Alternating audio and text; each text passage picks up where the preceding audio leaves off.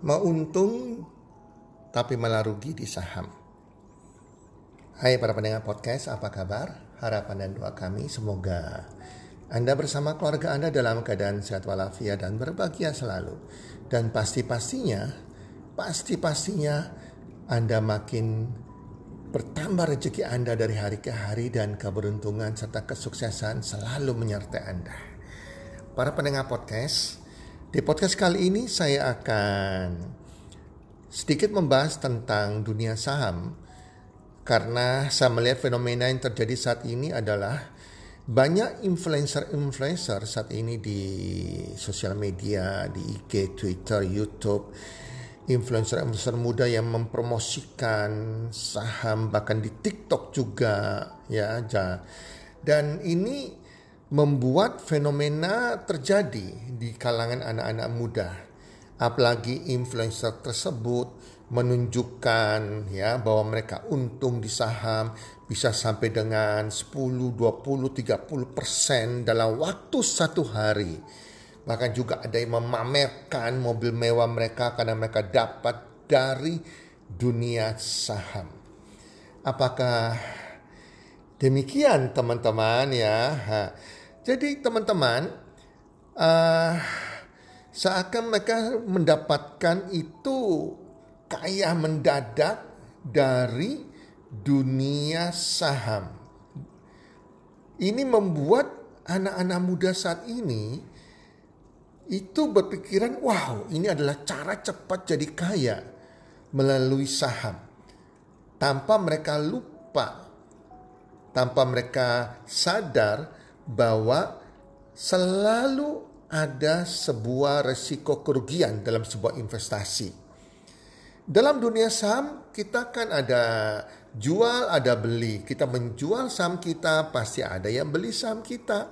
Ya, kita beli pasti ada yang menjual sahamnya. Ini yang terjadi teman-teman, betul tidak? Sehingga pasti ada yang untung, ada yang rugi. Ya, kalau ada un, Anda jual, Anda untung, pasti ada yang rugi juga. Anda rugi pasti ada yang untung. Nah, teman-teman, jadi ini yang kadang orang tidak tidak sadari, teman-teman. Dan yang yang mereka influencer tersebut yang mempromosikan ya tentang saham tersebut membuat efek terjadi saat ini apa? Di era Covid saat ini ada dulunya ada sekitar satu jutaan orang-orang yang terdaftar di bursa efek terjadi melonjak dalam situasi COVID saat ini terjadi dari satu jutaan orang yang terdaftar di bursa efek saham saat ini sudah menjadi 4 juta lebih yang terdaftar. Itu luar biasanya dalam waktu tidak sampai satu tahun. Nah, dan para pendengar podcast harus sadar bahwa dulunya ya untuk menambah 10 ribu aja, 10 ribu orang untuk mendaftarkan diri di bursa efek untuk uh, investasi di saham 10 ribu orang begitu sulitnya dalam waktu setahun. Saat ini terjadi penambahan 10 ribu orang per hari di bursa saham. Dan 75% orang yang join saat, saat ini di bursa saham itu adalah orang-orang yang berusia di bawah 28 tahun dan rata-rata investasi mereka ya sekitar 5 sampai dengan 10 juta teman-teman.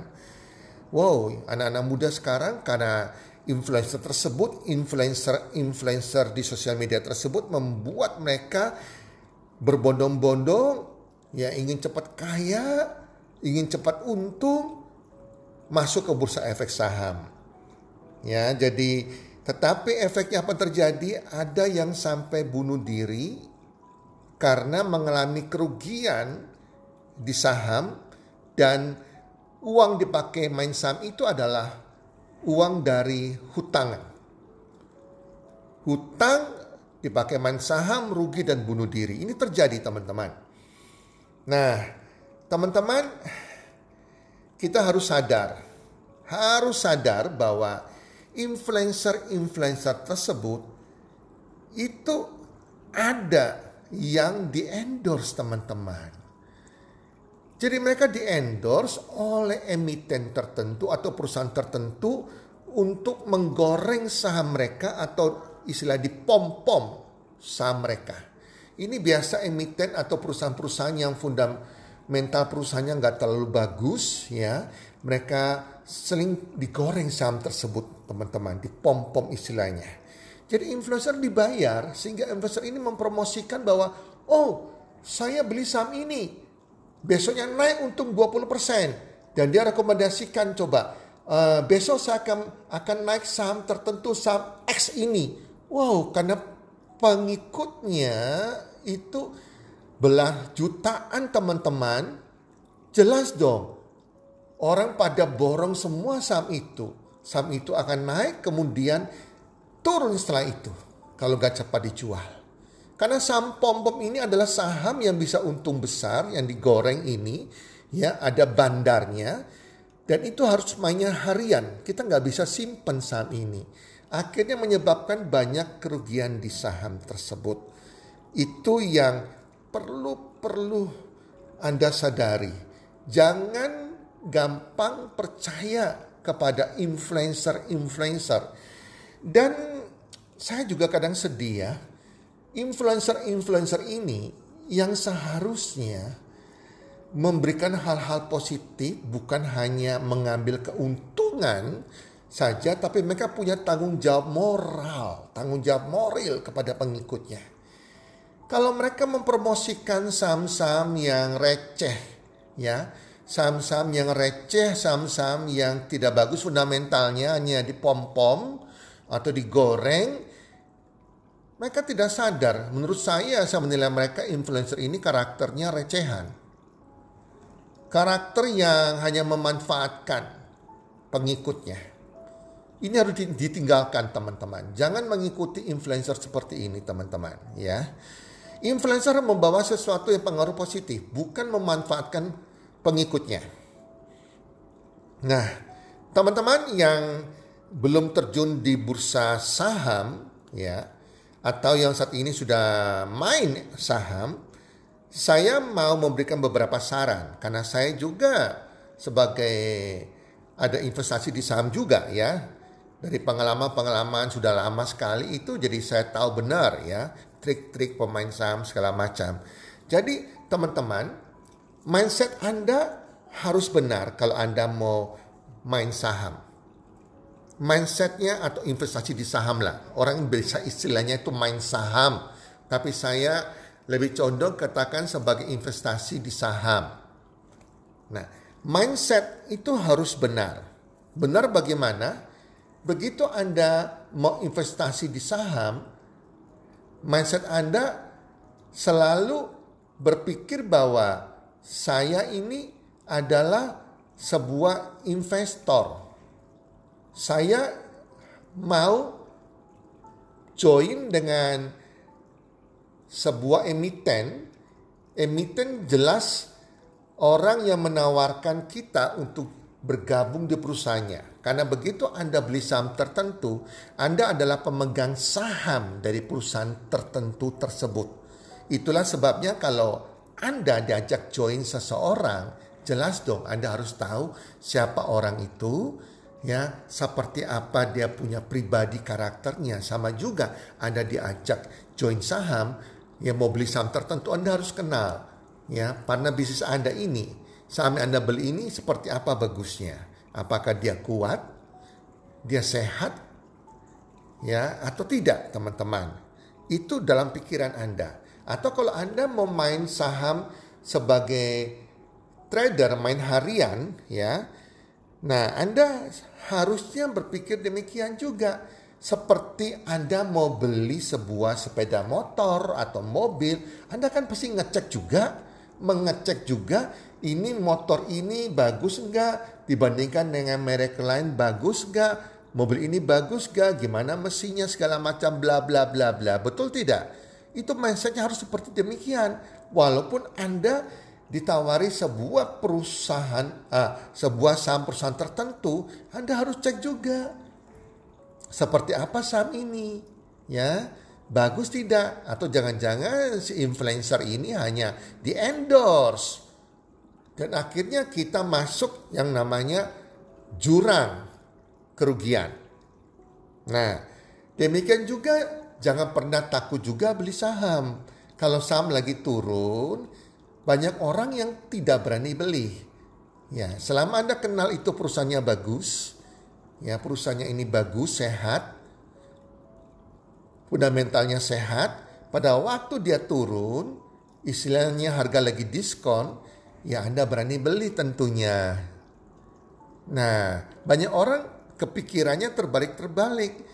Maaf kata kalau di Shopee atau Bukalapak, Tokopedia, wow lagi promo hari tertentu, terus ada diskon 15%, bebas ongkir. Wow, kita berlomba-lomba kan beli di situ.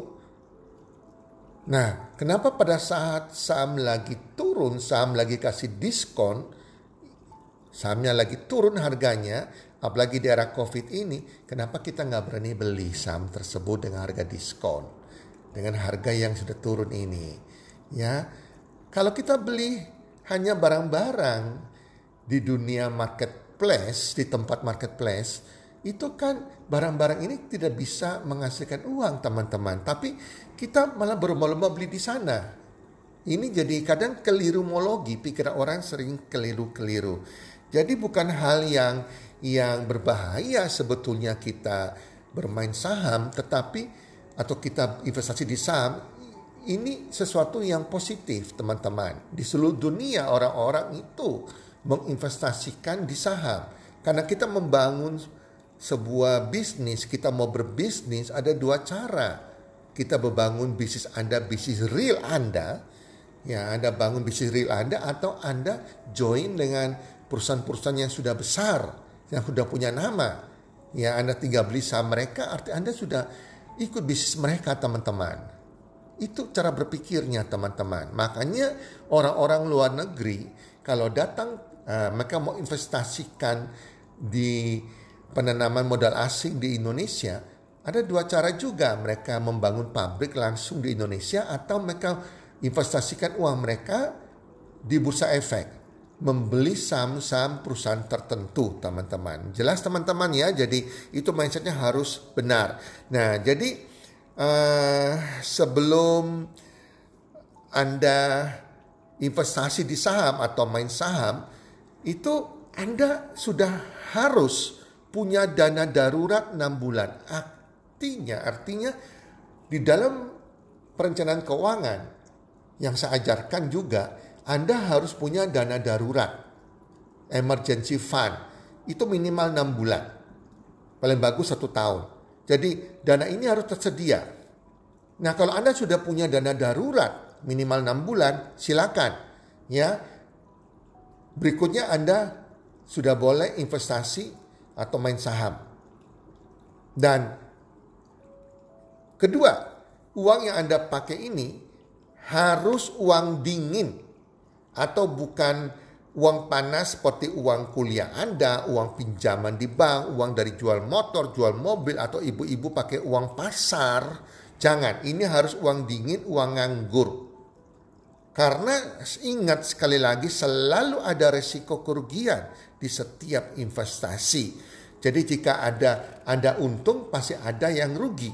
Kalau Anda rugi pasti ada orang lain yang untung. Ya. Dan kita selalu ingat bahwa di dalam uh, pemain saham, pembeli saham itu ada institusi, ada perusahaan-perusahaan atau lembaga-lembaga keuangan, perusahaan-perusahaan besar yang punya fund yang besar dan yang besar yang membeli saham. Kedua ada juga bandar. Bandar ini adalah orang-orang yang memang dia punya uang banyak, dia ambil keuntungan dengan menggoreng saham, dengan pom-pom. Nah bandar-bandar ini bisa orang pribadi, bisa juga institusi. Itulah sebabnya mereka mengendorse, membayar para influencer untuk mempom-pom saham tersebut. Ketiga adalah pemain-pemain eceran retail seperti kita-kita ini teman-teman, ya. Nah, berikutnya saran saya Anda harus punya trading plan. Trading plan rencana ya, rencana trading saham Anda. Jadi ini membuat Anda tidak rakus, tidak serakah. Jadi kapan Anda kalau sudah membeli saham tertentu, kapan Anda bisa take profit? Anda tentukan, oh kalau sudah 10% saya akan take profit. Nah kalau rugi, Anda siap juga cut loss. Oh kalau rugi sampai misalnya turun 5% saya akan cut loss. Atau 10% saya akan cut loss jadi Anda harus punya pertimbangan, punya rencana tradingnya. Kapan take profit, kapan cut, cut loss. Jadi jangan kemudian sudah rugi Anda tahan. Waduh ini moga-moga harapan besok naik. Kadang bisa tambah turun, tambah turun teman-teman ya. Kalau Anda bisa tahu cut loss siap ruginya, kemudian kalau saham ini turun, melalui itu memang saham yang bagus, itu Anda bisa beli lagi di bawah. Tapi ini kalau saham jelek, Anda aman daripada kerugian yang bertambah besar. Take profit membuat kita nggak serakah teman-teman. Kalau naik lagi ya sudah, anggap rezeki Anda seperti itu, tapi Anda tenang. Ya, jelas teman-teman. Makanya itu saya selalu mencari, Anda harus cari sekuritas. Kalau kita beli saham, main saham harus di sekuritas. Sekuritas yang punya tool, punya alat yang di mana kita bisa pasang di depan. Jadi tanpa kita kita harus monitor ya teman-teman ya. Anda bisa pasang di depan, uh, Anda beli saham tertentu, terus pasang mau jual harga berapa setelah keuntungan tertentu. Atau juga kalau dia rugi, sampai rugi sebatas berapa kerugiannya. Tidak banyak sekuritas yang mempunyai tool demikian. Cari sekuritas yang ada toolnya demikian. Itu membantu Anda sekali. Bahkan sekuritas tersebut juga pasti punya yang namanya fundamental, fundamental perusahaan tersebut. Sehingga Anda gak usah bingung-bingung lagi. Anda tinggal klik saham X yang Anda lagi ditawarkan atau Anda lagi mau ingin tahu itu keluar semua ya laporan keuangan perusahaan tersebut teman-teman. Dia rugi atau untung dan lain-lain teman-teman ya. Nah berikutnya lagi yang saya sarankan kalau Anda beli saham atau main saham jangan kebanyakan ya maksimal 5. Jadi Anda bisa pilih terbaik sehingga Anda bisa fokus sungguh-sungguh. Dan modal Anda semuanya itu jangan contohnya Anda mau beli saham uh, Telkomsel misalnya, satu buah saham Telkomsel Jangan dengan modal misalnya 15 juta. Jangan semua modal Anda 15 juta langsung dibeli pada waktu hari ini Telkomsel tersebut. Tetapi Anda harus split. Ya, split mungkin uh, tiga kali ya. Beli 5 juta dulu. Siapa tahu dia turun ya. Kalau naik gak apa-apa. Kalau dia turun di level tertentu beli lagi 5 juta dan seterusnya teman-teman ya. Jadi itu lebih mengamankan teman-teman ya. Nah kemudian uh, Anda juga harus mix teman-teman. Jadi jangan semua uang yang Anda sudah ingin pakai investasi di Anda pakai semuanya dibelikan saham.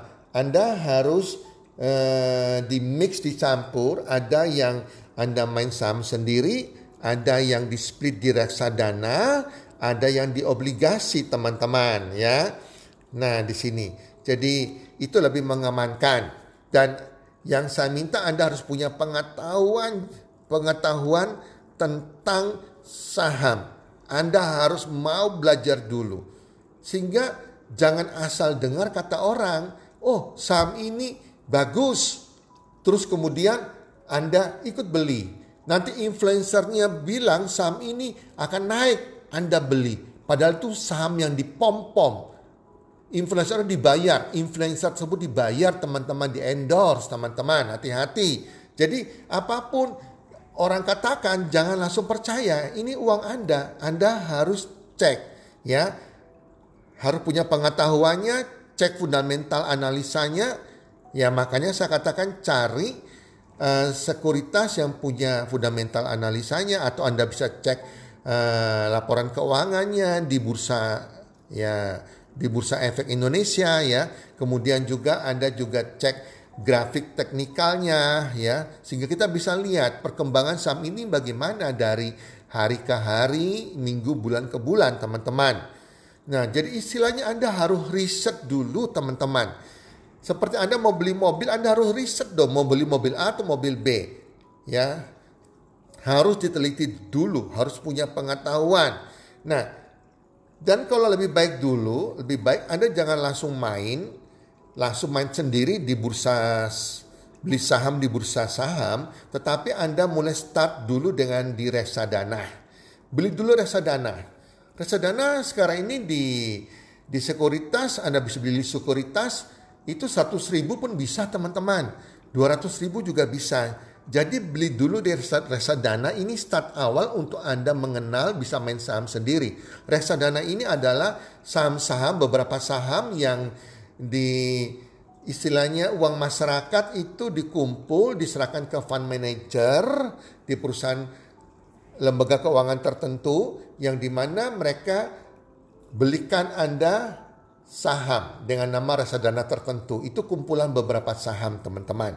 Ya, dari situ Anda bisa belajar lebih tahu lagi. Ya, nah dan sekali lagi Anda harus punya pengetahuan. Belajarnya jangan kepada influencer, tetapi belajar kepada edukator. Orang-orang yang sudah punya pengalaman lama yang mengedukasi tentang saham seperti saya rekomendasikan Ellen Mai teman-teman ya. Itu harus Anda smart di, di sini teman-teman. Nah, cari saham-saham yang nilai kapitalisasinya di atas 5 triliun. Itu salah satunya memilih saham. Ya. Kalau ada saran si A, influencer bilang saham A, saham B, Anda cek ya. Cari yang nilai kapitalisasinya saham tersebut di atas 5 triliun. Itu artinya perusahaan tersebut cukup kuat. Nah, sekali lagi cek laporan keuangan mereka. Ini berkaitan dengan fundamental apakah perusahaan itu profit atau malah rugi dari tahun ke tahun. Ya, hutangnya berapa besar juga. Asetnya berapa banyak. Nah, terus cek juga analisa teknikalnya yaitu grafiknya tersebut. Nah, teman-teman, jadi uh, selalu memilih emiten yang baik. Jangan mau beli saham pom-pom, teman-teman. Ada saham juga yang mungkin di pom-pom tetapi perusahaannya kuat. Artinya dia dia untung, setiap tahun untung is okay. Kalau Anda salah milih, begitu di selesai saham ini akan turun turun turun turun turun turun terus sampai mau kembalikan modal Anda akan susah. Bisa-bisa malah saham ini, perusahaan ini, emiten ini tutup teman-teman. Dan uang Anda jadi kerugian. Ya, Nah, sebelum Anda main di saham atau investasi di saham, Anda tentukan dulu Anda mau main sebagai investor atau trader. Ini penting sekali. Investor adalah long term, jangka panjang. Ya, mereka kebanyakan beli saham-saham yang blue chip, saham-saham yang sudah kuat nilai kapitalisasinya. Nah, investor juga dibagi dua, yang aktif atau pasif. Yang pasif adalah oke okay, dia punya modal, dia hanya taruh begitu saja beli pada waktu saatnya membeli dan dia tinggalkan satu tahun, dua tahun ya, baru dia panen. Tetapi kalau aktif, dia mungkin memang investor, tapi dia mungkin sudah ada punya punya trading plan dalam artian dia main saham-saham yang blue chip ya. Kemudian dia sudah punya plan membagi kapan waktu belinya, kapan waktu jualnya. Jualnya bisa satu bulan kemudian, tiga bulan kemudian, enam bulan kemudian, satu tahun kemudian. Jadi dia aktif jual dan beli jual, dia beli lagi, jual, dia beli lagi. Nah, sedangkan trader ya ini adalah saya sering sebut sebagai main saham. Nah, ini adalah orang-orang yang suka main saham-saham pom-pom. Karena saham-saham pom-pom ini adalah saham-saham gorengan yang satu hari bisa untung 10 sampai 20 persen, bahkan ada 30 persen teman-teman. Trader pun dibagi dua, yang harian atau mingguan. Kalau kita main hariannya, kita harus ngamati. Diamati terus dalam sehari itu. Karena biasa saham ini satu hari naik kemudian besok akan turun turun turun teman-teman. Jadi hati-hati sekali. Jadi Anda harus menentukan saya mau sebagai investor atau trader karena cara mainnya beda. mindsetnya juga beda teman-teman. Ya, jelas teman-teman ya. Jadi sekali lagi, ini adalah uang Anda. Anda harus jangan percaya apa kata orang, jangan sembarang menginvestasikan atau mengikuti saran orang. Anda harus mengerti ke mana uang Anda ini Anda harus investasikan. Anda harus kelola sendiri. Kalau Anda tidak mengerti, Anda serahkan kepada orang lain yang kelola, apalagi Anda titip teman Anda untuk memainkannya. Itu namanya gambling, itu judi. Jadi jangan sekali-sekali ya lakukan hal itu, itu pasti ruginya.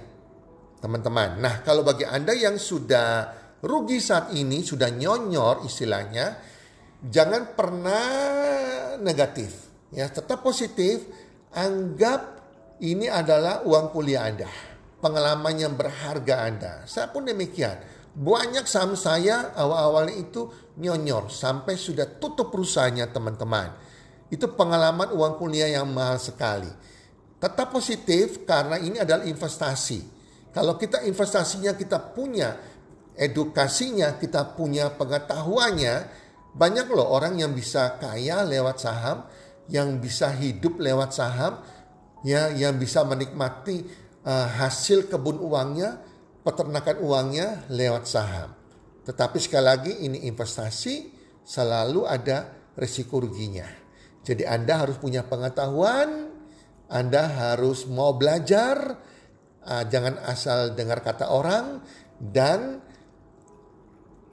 perlu proses dan tetap semangat melakukan investasi di saham selama Anda punya ilmunya. Karena ini adalah salah satu salah satu cara untuk Anda punya peternakan uang. Untuk melipat gandakan uang Anda. Tetapi selalu ingat selalu ada resikonya. Anda harus berani untung dan juga berani siap resikonya. Demikian saran saya. Semoga apa yang saya bagikan tentang sedikit tentang saham ini bisa membuka wacana Anda dan bermanfaat bagi para pendengar podcast semuanya. Salam sukses, one, two, three.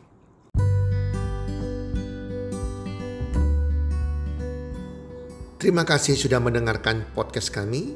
Teman, jika Anda rasa bermanfaat podcast kami ini, Anda bisa menginfokan kepada rekan kerja Anda, keluarga Anda, teman ataupun sahabat Anda dan jika ada hal-hal yang Anda ingin tanyakan kepada kami ataupun topik-topik apa yang Anda ingin kami bawakan, kami sampaikan, Anda bisa DM kami di Instagram kami healthcommunity.id. Salam one two three, salam sehat, sejahtera dan bahagia.